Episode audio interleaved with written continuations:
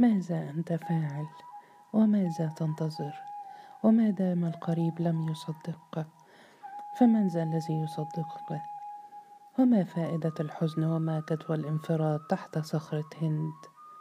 النجوم لا تجيب ولا الظلام لا يجيب.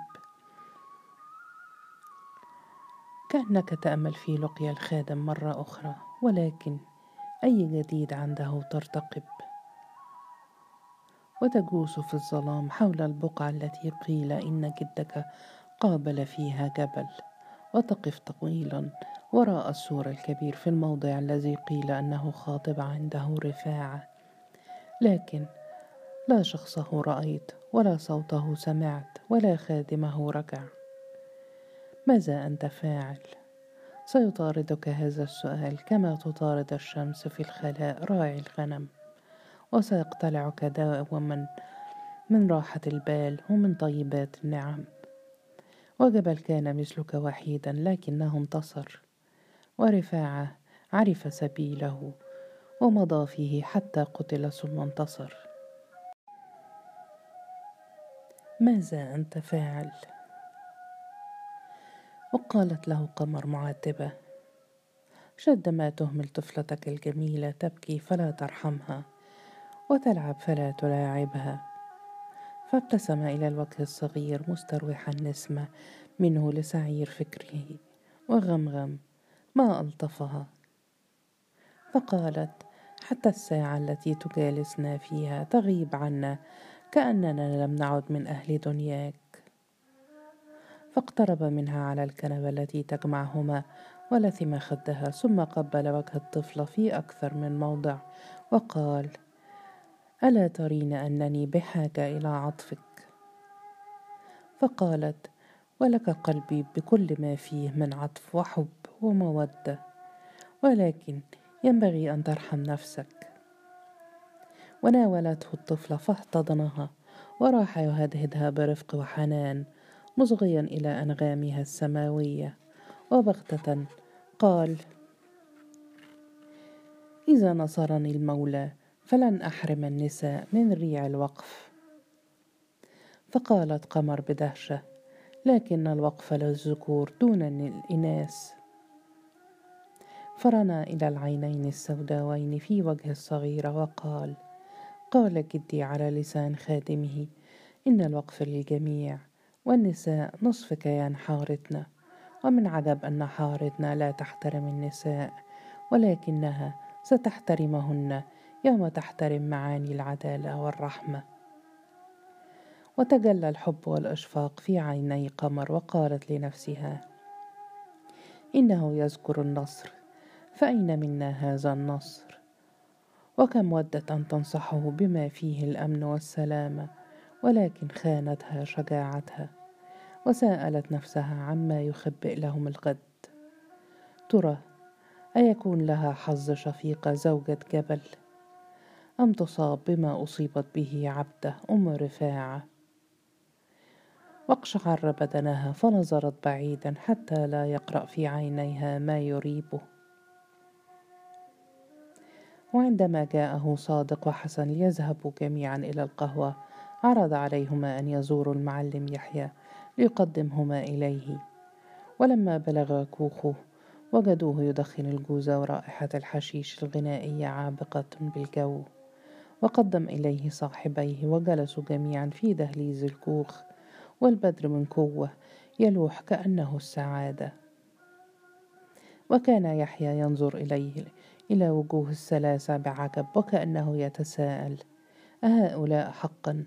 هم الذين سيقلبون الحارة رأسا على عقب.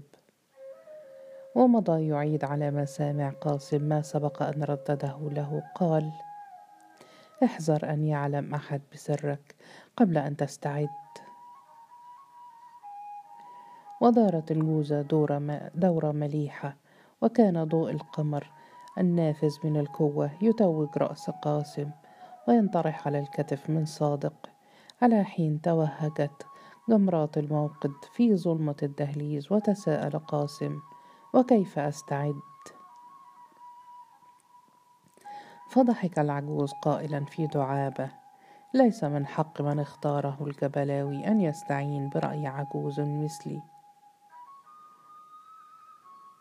وأخلى الصمت حتى قطعه العجوز قائلا. لديك عمك وعم زوجتك. أما عمك فلا فائدة منه ولا ضرر. وأما الآخر فبوسعك أن تكسبه إلى جانبك لو منيته بشيء.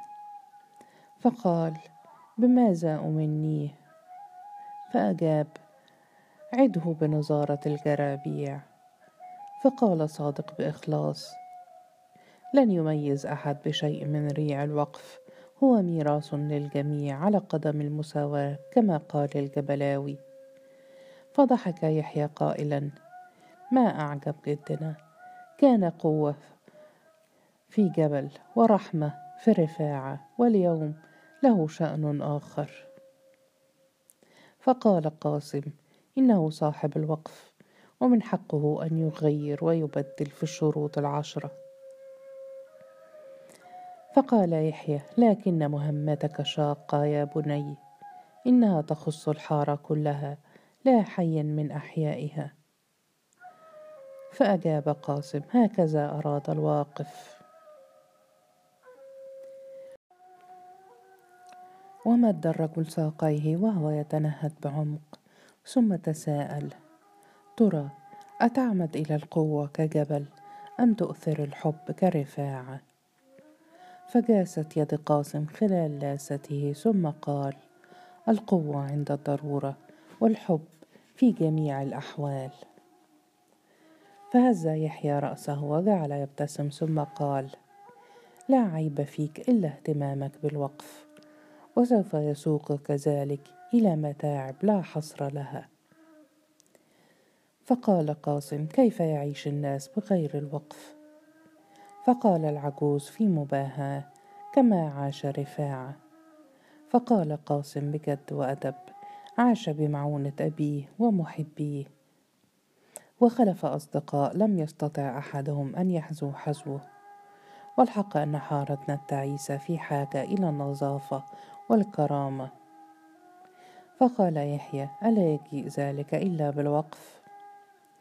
فأجاب قاسم بلى يا معلم بالوقف والقضاء على الفتونة هناك تتحقق للكرامة التي أهداها جبل إلى حيه والحب الذي دعا إليه رفاعة بل والسعادة التي حلم بها أدهم. فضحك يحيى متسائلا.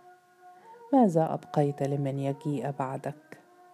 فتفكر مليا ثم قال إذا نصرني المولى فلن تجد الحارة حاجة إلى أحد بعدي.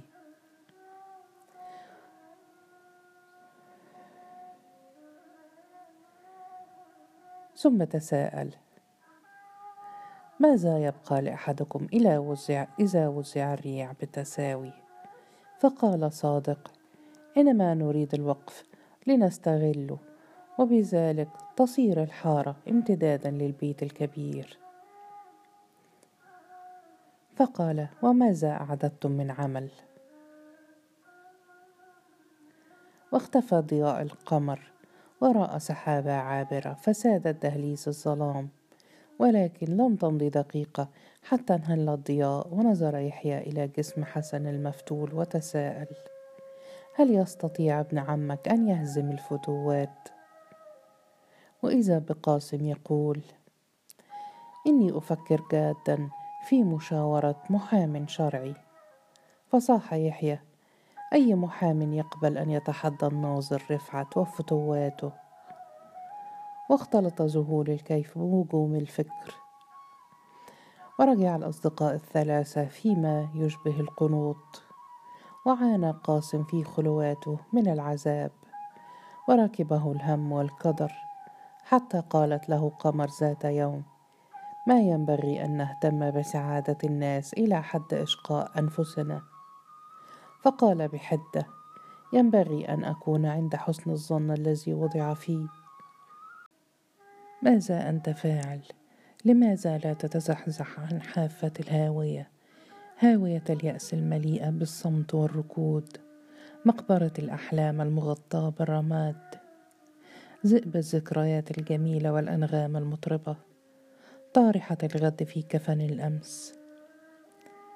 لكنه دعا يوما صادق وحسن إليه وقال لهما آن لنا أن نبدأ. فتهلل وجههما وقال حسن هات ما عندك. فقال بصوت دب دبت فيه الحياة. انتهيت من تفكيري إلى قرار وهو أن ننشئ ناديا للرياضة البدنية. وعقدت الدهشه لسانيهما فابتسما وهو يقول سنجعله في حوش بيتي والرياضة هواية منتشرة في أكثر الأحياء. فقال حسن وما علاقة ذلك بعملنا؟ وتساءل صادق بدوره. نادي لرفع الأثقال مثلا ما علاقة ذلك بالوقف؟ فقال قاسم وعيناه تبرقان سيجيء إلينا الشبان حبا في القوة واللعب وسيقع الاختيار على من هم أهل للثقة والاستعداد. فاتسعت الأعين وهتف حسن سنكون عصبة وأي عصبة؟ فأجاب قاسم نعم وسيجيء إلينا شبان من جبل وآخرون من رفاعة. وشملتهم فرحة غناء وبدا قاسم في مشيته وكأنه يرقص. جلس قاسم لصق النافذة بحيث يشاهد الحارة في يوم العيد وما أبهج العيد في حارتنا. لقد رش الساقون الأرض بالقرب وزينت أعناق الحمير وأزيالها بالورود الاصطناعية. ورقص الفراغ بالألوان الفاقعة يرتديها الصغار وتنطلق بها البالونات. وركزت في عربات اليد الأعلام الصغيرة واختلط الصياح والهتاف والتهليل بأصوات الزمامير وتمايلت العربات الكارو بالراقصات والراقصين وأغلقت الدكاكين واكتظت المقاهي والحانات والغرز. وعند كل ركن بزغت البشاشة. وقال قائل كل عام وأنتم بخير. وجلس قاسم في ثوب جديد وإحسان واقفة في حجر متأبطة راحتيه. تجوز بيديها الصغيرتين في قسماته أو تنشب أظافرها في خديه. وارتفع صوت تحت النافذة يغني. أصل اللي شبكتني مع المحبوب عيني. دي فذكر لتوه زفته السعيدة حتى رق قلبه. وهو رجل يحب الغناء والطرب. وكم تمنى أدهم أن يتفرغ للغناء في الحديقة الغناء. وماذا يغني الرجل في العيد؟ أصل اللي شبكتني مع المحبوب عيني دي. صدق الرجل فمنذ ارتفعت عيناه في الظلام إلى قنديل سلب قلبه وعقله وإرادته. وها هو ذا حوش بيته يستحيل ناديا لتقوية الأبدان وتطهير الأرواح. وهو مثلهم يرفع الأثقال ويتعلم التحطيب وصادق امتلأت عضلات ذراعيه كما امتلأ امتلأت من قبل بفضل عمله في تبييض النحاس عضلات ساقيه أما حسن فيا له من مارد عملاق والآخرون ما أبهر حماستهم. وكان صادق حكيما يوم نصحه بدعوة المتعطلين والمتسولين إلى ناديه. وسرعان ما تحمسوا لألعابه كما تحمسوا لأقواله. أجل إنهم قلة ولكنهم لطموحهم إذا وزنوا بأضعاف أضعافهم. رجحوا بهم. وهتفت إحسان. آد آد. فقبلها كثيرا. وكان طرف جلبابه الجديد مبتلا تحتها. وترامى إليه من المطبخ دق الهاون وصوت قمر وسكينة ومواء القطة ومرت عرب كرو تحت الشباك وهي تنشد مصفقة. الفتحة للعسكري قلع الطربوش وعمل لي ولي وابتسم قاسم فتذكر ليلى غنى ليلى غنى المعلم يحيى هذه الأنشودة وهو في تمام السطول آه لو تستقيم الأمور. فلا يبقى لك إلا الغناء يا حارتنا. غدا يمتلئ النادي بالأعوان الأقوياء والصادقين. غدا أتحدى بهم الناظر والفتوات وجميع العقبات. كي لا يبقى في الحارة إلا جد رحيم وأحفاد بررة. ويمحق الفقر والقذارة والتسول والطغيان وتختفي الحشرات والذباب والنبابيت وتسود الطمأنينة في ظل الحدائق والغناء. واستيقظ من أحلامه على صوت قمر وهي تنهر سكينة في غضبة داهمة. أنصت متعجبا ثم نادى زوجته. وسرعان ما فتح الباب وجاءت قمر وهي تدفع الجارية أمامها وتقول انظر إلى هذه المرأة. ولدت في بيتنا كما ولدت أمها من قبل ولا تتعفف عن التجسس علينا. فنظر إلى سكينة بإنكار حتى هتفت بصوتها النحاسي. لست خائنة يا سيدي ولكن ستي لا ترحم. وقالت قمر وفي عينيها فزع. أخفقت في مداراته. رأيتها تبتسم وتقول لي ساجي العيد القادم إن شاء الله وسيدي آسم سيد الحارة كلها كما كان جبل في حي حمدان. سلها عما تعني بذلك. وقطب قاسم مهتما وسألها ماذا تعنين يا سكينة؟ فقالت الجارية بجرأة غير غريبة عليها أعني ما قلت لست خادمك الخادمات أعلم أعمل اليوم هنا وغدا هناك. إني ربيبة هذا البيت وما كان يجوز أن يخفى عني سر. فتبادل الرجل نظرة سريعة مع زوجته وأشار إلى الطفلة فجاءت وتلقتها منه. وأمر الجارية أن تجلس. فجلست عند قدميه وهي تقول أيصح أن يعلم بسرك غرباء عن هذا البيت وأظل أجهله أنا. فقال أي سر تقصدين؟ فقالت الجارية بنفس الجرأة حديث أنديل إليك عند صخرة هند. ندت عن أمر أعها ولكن قاسم أشار إلى الجارية أن تستمر فقالت كما حدث لجبل ورفاعة من قبل لست دونهما يا سيدي أنت سيد حتى على عهد الرعي كنت سيدا. وكنت الوسيط الذي جمع بينكما. ألا تذكر؟ كان يجب أن أعلم قبل الآخرين. كيف تأمن الغرباء ولا تأمن جاريتك؟ سامحكم الله لكني أدعو لك بالنصر. نعم أدعو لك بالنصر على الناظر والفتوات. من ذا الذي لا يدعو لك بذلك؟ فصاحت قمر وهي تهدهد الطفلة بحركة عصبية. ما كان يجوز أن تتجسسي علينا وسيظل العيب لاصقا بذقنك. فقالت سكينة في حرارة صادقا لم أقصد التجسس وربي شهيد ولكن نفذ إلي من الباب كلام لم يسعني إلا متابعته وما كان في وسع إنسان أن يغلق أذنيه دونه. إنما يقطع قلبي يا ستي هو أنك لا تطمئنين إلي. لست خائنة. إن أنت آخر ما أخون. ولحساب من أخونك. سامحك الله يا ستي.